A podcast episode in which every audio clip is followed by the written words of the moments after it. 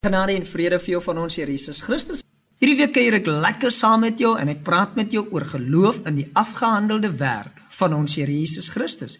Geloof is rus. Ja, geloof is nie werke soos baie mense dit maak nie. Geloof is rus en ek wil vandag vir jou sê rus in die afgehandelde werk van ons Here Jesus Christus. Efesiërs 1:7 sê: In hom het ons verlossing deur sy bloed, die vergifnis van ons sondes na die rykdom van sy genade.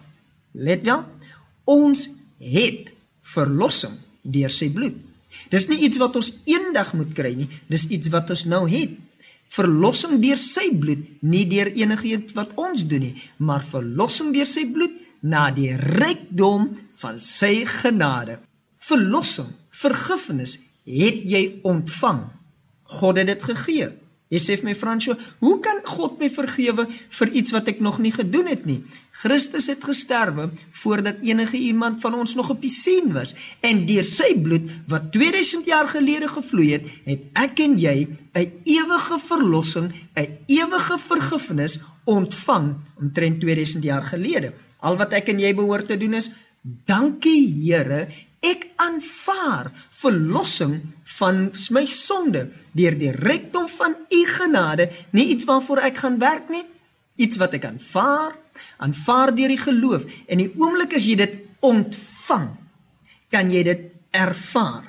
Maar as jy dit nie aanvaar dat jy vergifnis het nie, kan jy dit nooit ervaar nie. Baie keer en hier is 'n waarheid wat jy moet besef.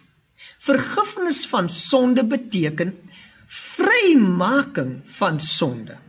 So as jy dink jy moet vrymaking van sonde kry in die toekoms, dan is die gevaar dat jy dit nooit kan kry nie. Maar as jy aanvaar dat deur sy bloed jy vrymaking van sonde het en jy die Here begin dankie sê dat jy verlossing, vrymaking van sonde het, dan kan jy dit makliker ervaar en dis wat God wil hê. God wil hê jy moet verlossing, vrymaking, vergifnis ervaar, maar jy kan dit net ervaar die oomblik as jy dit aanvaar. Geliefde, moenie uitstel nie. Begin sê dankie vir die verlossing wat jy het, alhoewel jy nog miskien struggle met sonde. Moenie kyk na die sonde nie. Aanvaar die verlossing en dank God en so beleef jy hierdie ewige verlossing in Jesus die Christus. Seën vir jou.